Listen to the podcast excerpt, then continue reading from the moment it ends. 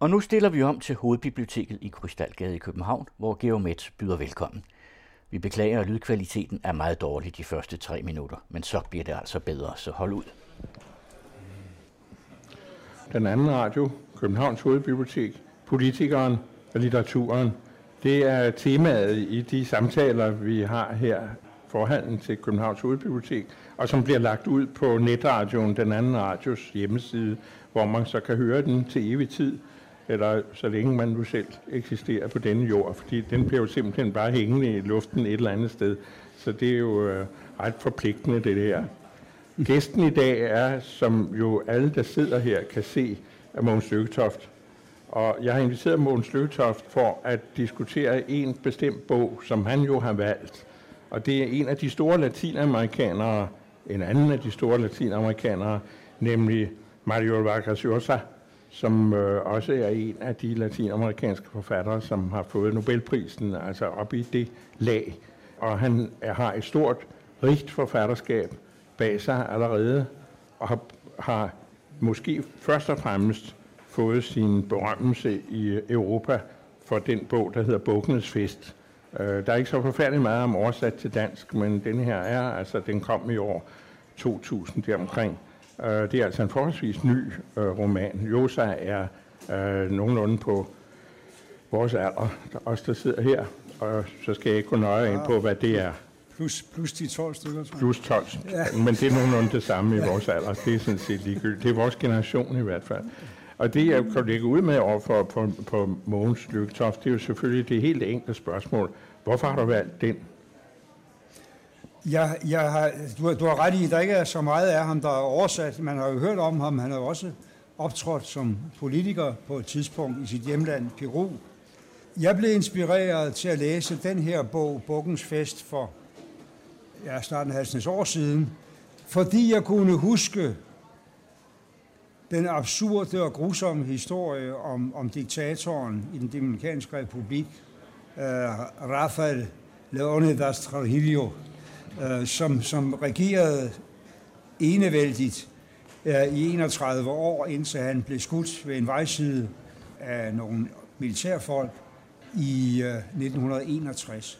Der havde jeg læst øh, en lille bog, eller en lille novelle, der udkom for endnu mange flere år siden af Hans Magnus Ensenberger, der hed Velgøren eller Morderen i Sukkerrøret, som handlede om, om, om samme Trujillo. Så jeg var klar over, at det var en historie, som var interessant, og det var interessant at se, hvad denne her store latinamerikanske forfatter fik ud af, hvad magten kunne føre til uh, i, i, i, uh, i, i den her del af verden, som han jo kender så godt, øh, og øh, fik digtet udenom på, jeg tror, en utrolig tæt måde virkeligheden omkring det her diktaturs absurde grusomhed. Øh, på en meget, meget fængslende måde. Øh, og, og, jeg blev meget optaget af bogen. Jeg har også læst en til af ham sidenhen. Øh, den, der handler om Roger Caseman, Iren, øh, der afslørede kong Leopolds vanvittige udbytning af Kongo og de grusomheder, der kom der, og senere gummiplantagen i Peru, for, for derefter at ende med at blive hængt af englænderne som irsk nationalist mm. efter påsken, krisen 1918. Så han beskæftiger sig meget med i og for sig historiske temaer og prøver at læse psykologien hos mennesker, der på en eller anden måde enten har haft en absolut magt, eller har spillet en meget afgørende rolle. Jo, men det interesserer ham jo selvfølgelig også dem, som så er i nærheden af den magt. Ja. Altså offrene, men jo også medløberne. Ja. Det er jo sådan set øh, måske ligefrem næsten hovedpersonerne i bogen. Ikke? Det, det synes jeg, ja, det har du ret i. Men han, han giver jo også et fantastisk portræt af manden selv, og hans forfængelighed, og, og, og måden, han ser sig selv på, samtidig med, at han sidder og hamstrer alle værdierne i, i, i det der samfund og slår folk ihjel på det grusomste, så opretholder han jo sådan et, et cirkus af af legalitet omkring sig. Men det er klart, det mest interessante psykologiske portrætter er, er, jo, er jo, hvad det gør ved folk at leve under og tjene under uh, sådan en despot. Og i den forstand er det, er det en meget almen bog om, om mange af dem, som, som tjente en Hitler eller en Stalin eller noget andet, at, at det, der foregik i meget, meget større format i den samme tidsalder af vanvid og grusomhed. Jo, de, man var jo nok tilbøjelig til at sige, om det er det, der foregår i, i disse tredje lande. Ikke? Altså, det var vel ofte holdningen til den her litteratur. Øh, vi har jo i vores egen verdensdel været meget udmærket til at øh, nærmest at foretage et kollektivt hukommelsestab. Ja. Øh, når man tænker på, at selv denne her forfærdelige Trujillo, som man kan dårligt forestille sig noget mere øh, ondskabsfuldt og forfærdeligt. Ja. Men øh, hvis man så tænker sig lidt om, så er det jo ikke så svært at forestille sig. Jeg ja. mener, Jamen, det er meget begrænset for, rækkevidde, han ja. har, ikke? Jo, det er det. Han nemlig. har kun 3 millioner ja. dominikanere at lege med. Ja, men ja. For, for 80 år siden var der jo altså en herre, der havde mere, ikke? Ja, og der ja. to herrer, der havde mere. Ja, ja, ja. Det er jo selvfølgelig perspektivet i den også. Men derfor tror jeg også, at når I også skriver sådan en bog, så skriver han den jo også for ligesom at almengøre ja. bevidstheden om psykologien hos dem, der undertrykker, og dem, der tjener dem.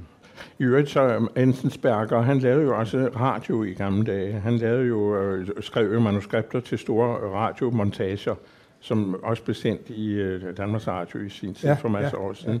og som altså gik verden rundt som øh, eksempel på der en, eller som, som øh, opråb, kan man sige, over for det her fænomen. Men en side af det er jo også, øh, synes jeg, spændende, som jeg godt vil vende med dig, det er jo Altså et er der den her, en side af den her diktator, som er fuldstændig tøjsløs. På den anden side, så har han jo kun mulighed for at være der af en bestemt grund, nemlig at USA holder hånden over ham. Ja. Og i det øjeblik, de hiver øh, guldtæppet, så er han færdig. Altså ja. i samme sekund CIA øh, melder klart lys, eller grønt lys, nu kan de gøre, hvad de vil, ikke?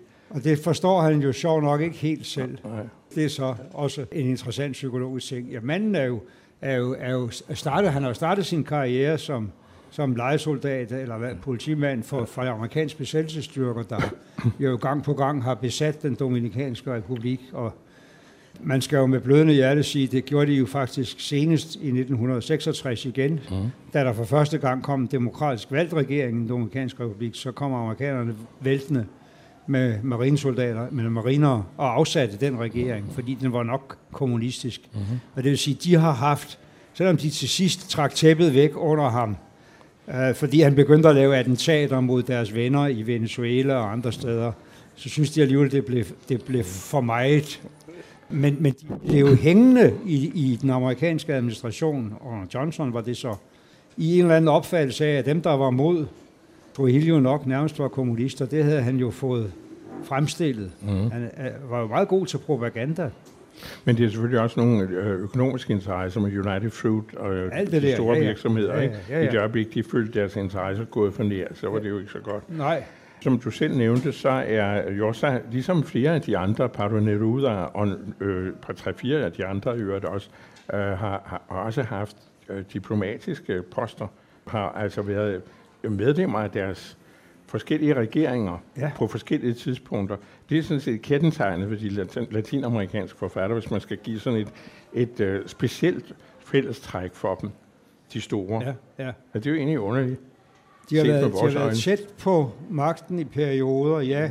De har også levet under og, og, og bekæmpet i en eller anden form skiftende diktatorer. Ja. Derfor har de jo, har de jo sådan et, et, et fælles erfaringsgrundlag på ja. en eller anden måde.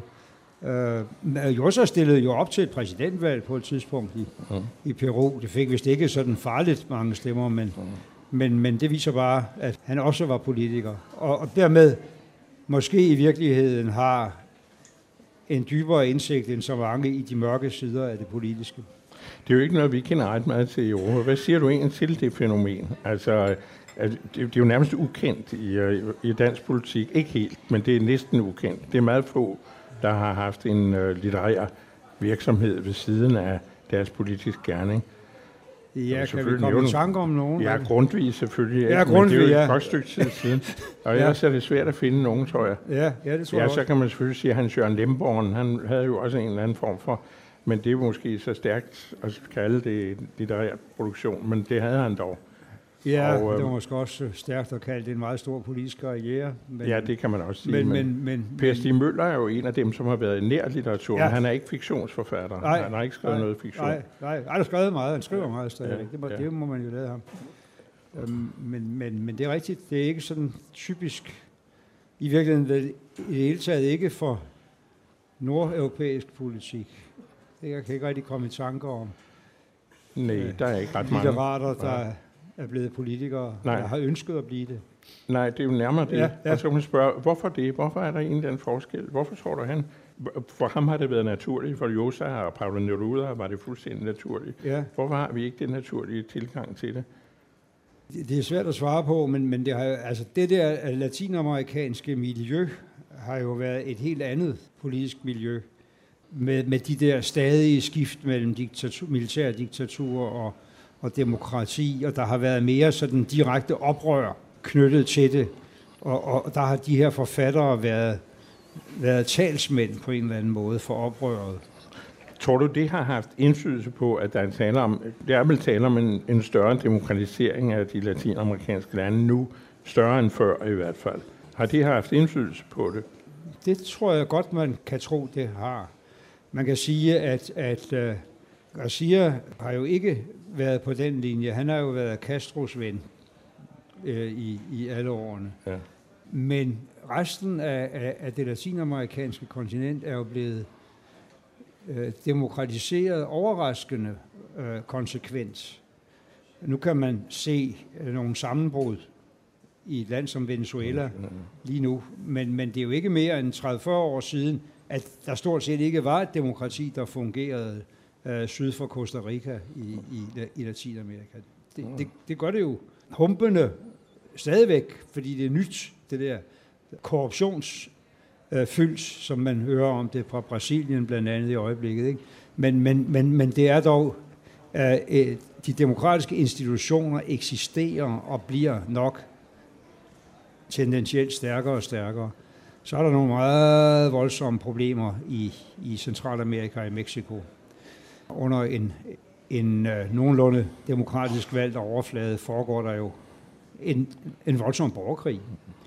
Ikke mellem venstrefløj og regering, som vi havde det i El Salvador og andre steder i, i, 80'erne, men mellem gangsterbevægelser og regeringer. Og som jeg så forleden dag en oversigt, hvor vi skulle gætte over, hvad for en konflikt, der havde næstflest ofre i denne verden. Dødsoffre efter Syrien i fjernsynet, og, og det er Mexico. Det er ikke Irak, det er ikke Afghanistan. Det er Mexico. Der har 30.000 døde i det opgør, der foregår mellem samfundets institutioner og, og, og narkobander. Så kan man sgu da godt forstå, at man bygge den mur. Øh, Ja, hvis det var det argument, han havde brugt, så havde jeg måske haft, haft større forståelse for det. Men nu er det altså alle dem, der vil væk fra det der, han afsker. Men for lige at tage ham med ind i billedet, ham, det ved vi jo alle sammen, hvem er efterhånden. Ja. Kunne man forestille sig, for altså, de præsidenter, der har været siden Lyndon Johnson, øh, har vel egentlig haft, ja, efter Nixon vil jeg sige, har, har vel haft en øh, forståelse af, at øh, forholdet til Latinamerika skulle være anderledes efter katastrofen i Chile. Altså, der har vel Ja. været en forståelse af, at, det, at man måtte lægge det om, at det kunne ikke være... At jeg har en, en, en halv kus, kvart, hu- 8. dels kusine, som er republikaner, Magdalena M. Metz, som bor i New York og er, er meget aktiv, har været meget aktiv i det republik- republikanske parti. Og det er mange år siden, jeg sagde til hende, netop om Nicaragua, Jamen det kunne jo være, at de der bønder i Nicaragua øh, gerne vil have en anden virkelighed, end den Amerika vil påtvinge Ja, dem. ja. Hvor til øh, Magdalene sad og kiggede lidt ud i luften, og så sagde hun, ja, yeah, maybe you're right, but who cares? Det var sådan stormagten, der talte. Ja, ja, Men, ja. siger, men den holdning har vel på en eller anden måde været i, øh, i, i, i tilbagegang. Og kan man så forestille sig, at Trump ruller det tilbage, eller øh, endnu en gang tilbage, og begynder der, hvor, hvor Nixon slap? Altså man kan i hvert fald ikke forestille, der er ikke noget, der tyder på, at Trump øh, vil forsvare demokrati eller menneskerettigheder, hvis han tror, det strider mod amerikanske interesser. Men der tror jeg, at, at øh, den tid fra Nixon og Kissinger øh, øh hjalp diktaturet til magten i Chile i 1973, eller ja, direkte vel, var med til at orkestrere øh, magtovertagelsen. Og så er frem til nu, der har institutionerne altså udviklet sig i den del af verden. Der er ikke så mange at appellere til, hvis man vil omstyrte en, en folkevalgt regering i Chile, eller i Peru, eller i Argentina.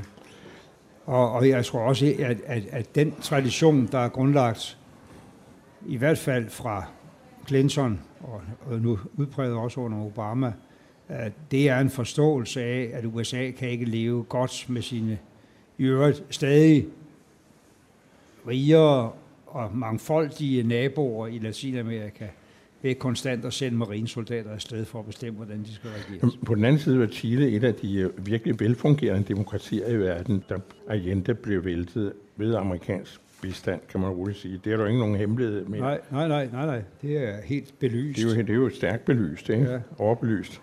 Ja. Jamen altså, Chile var, der var orkestrerede man jo nærmest en borgerkrig imod den folkevalgte regering. Øh, og en økonomisk, altså en økonomisk krigsførelse, som gjorde, at tilpas mange mennesker lige et øjeblik troede, det var en lettelse, at der kom en militær magtovertagelse. Ikke? Men det redskab er jo netop det, Trump har øh, nævnt eller vist under sin valgkampagne, og han har jo ikke nægtet, at han vil bruge det. Han har jo netop sagt, at han vil lægge øh, procenter på importerede ja, varer. Ja. Ja, men altså, han finder jo også ud af, at en bil, Amerika importerer fra Mexico, har måske 40-50 procent komponenter, som er eksporteret fra Amerika til Mexico, og at det bliver lidt, det, det bliver lidt indviklet til sidst. Ja. Hvem det egentlig er, man skader ved at lægge sådan en afgift på. Men altså, det er i hvert fald en anden verden, end det var dengang Torillo blev indsat øh, af amerikanerne og holdt, holdt op af amerikanerne i 30, i 30 år, øh, eller da man lavede kup mod Chile.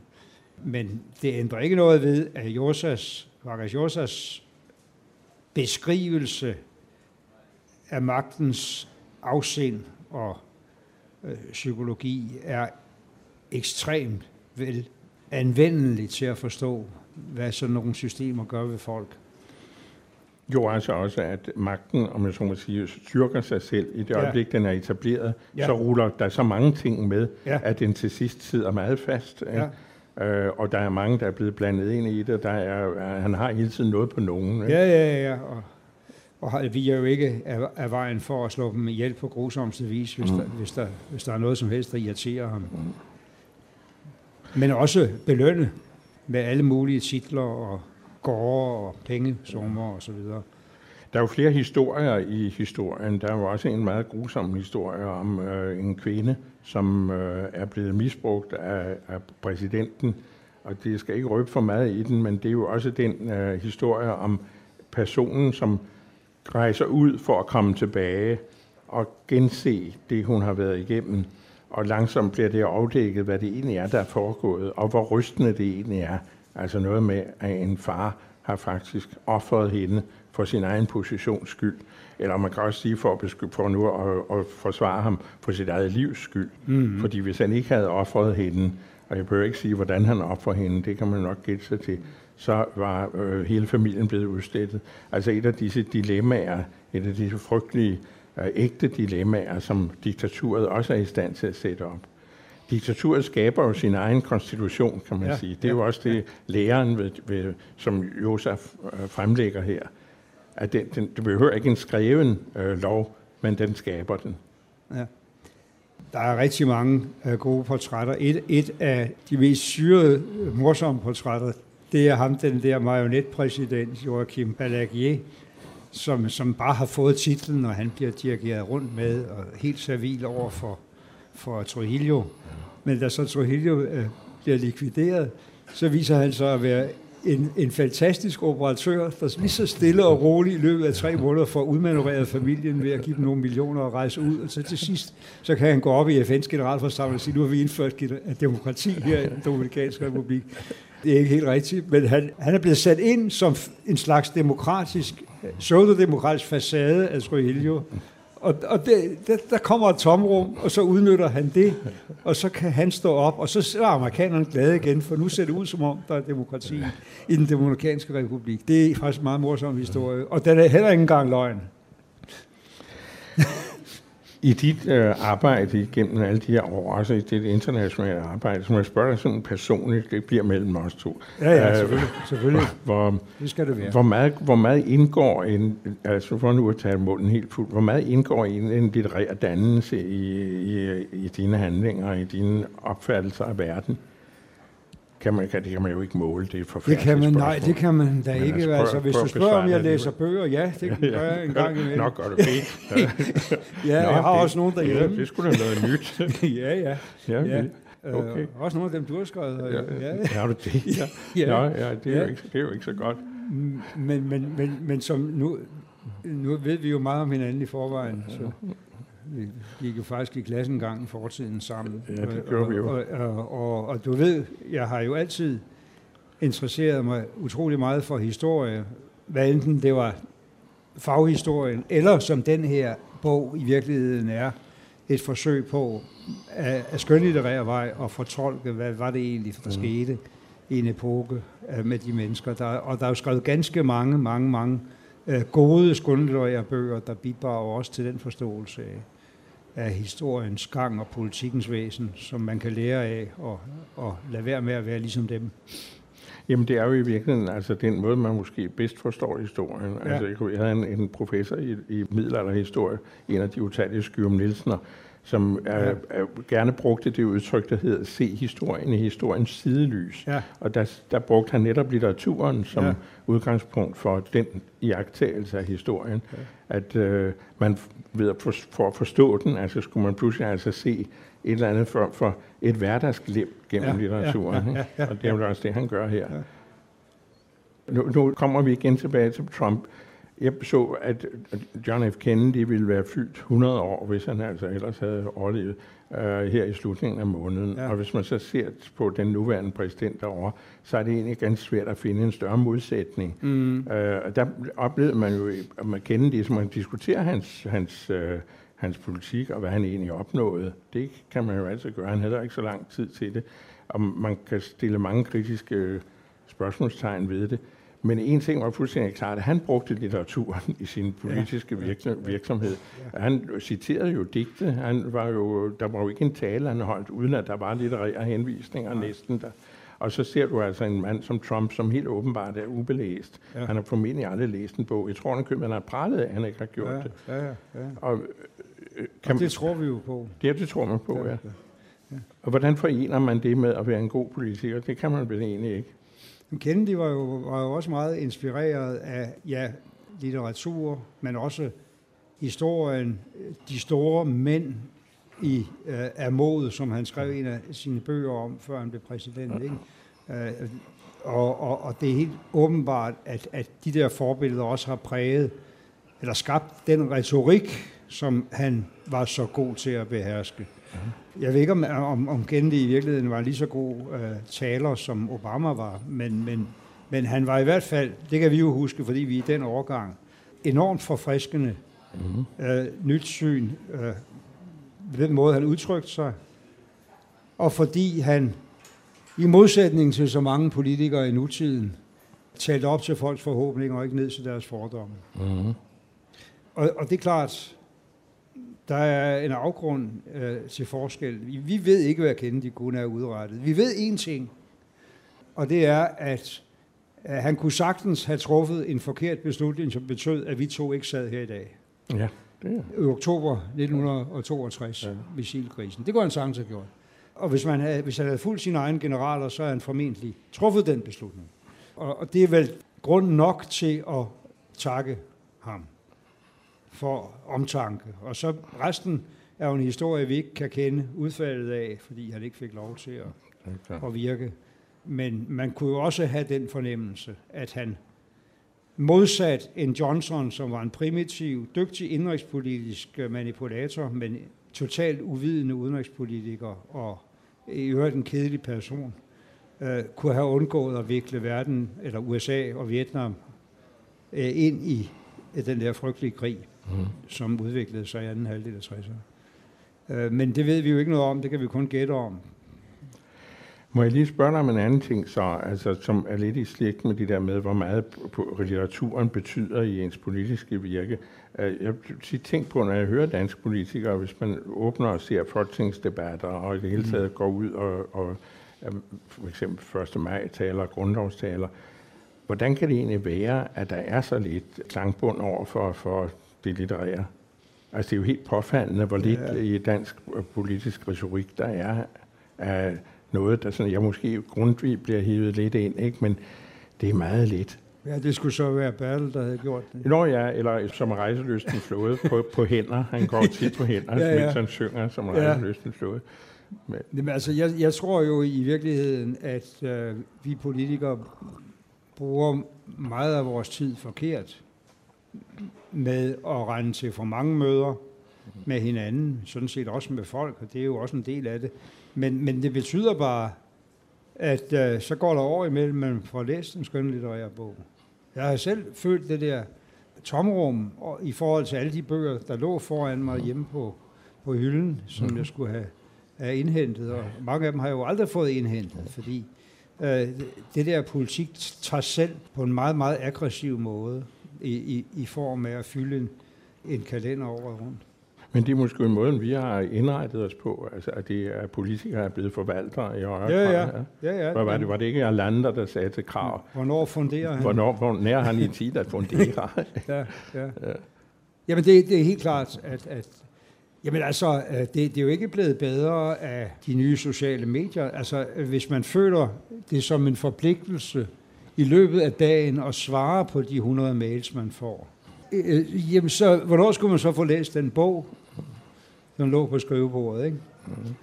Og, og, og bare det at sortere, hvad du overhovedet skal, er nødt til at svare på ja. i den der mængde af information, er, er jo en byrde, som ikke, ikke er enestående for politikere, men som er et meget, meget fremtrædende problem, synes jeg, i at sortere, hvad man skal bruge sin tid på. Mm. Er jo halvvejs tilbage, tror jeg. Jeg har fået et kontor tæt ved udgangen over på Christiansborg. det er noget andet lige nu, end det har været før. Men... Ja. Hvad er så det næste, du vil læse? Der er frit slag på alle ja, hylder her. Ja, nej, men det, det, det, har, det har jeg faktisk ikke rigtig fået, fået gjort op. Jo, jeg tror, at det næste, jeg skal læse, er Sofie Oxen. Også fordi jeg mødte hende her ved en sammenkomst på det forlag, som jeg også har brugt her i starten af året. En meget spændende dame fra Estland, eller estisk-finsk baggrund. Og nu er jeg så lige i sidste uge til møde og lidt rundrejse i Estland. Så inspirationen til at tage hende op er dobbelt lige nu. Og, og igen, det er så også en litteratur, der beskæftiger sig meget med historien og de grusomme 50 år i, i, i det 20. århundrede for den del af verden. Ja. Mogens Løgetoft, tak skal du have. Tak selv.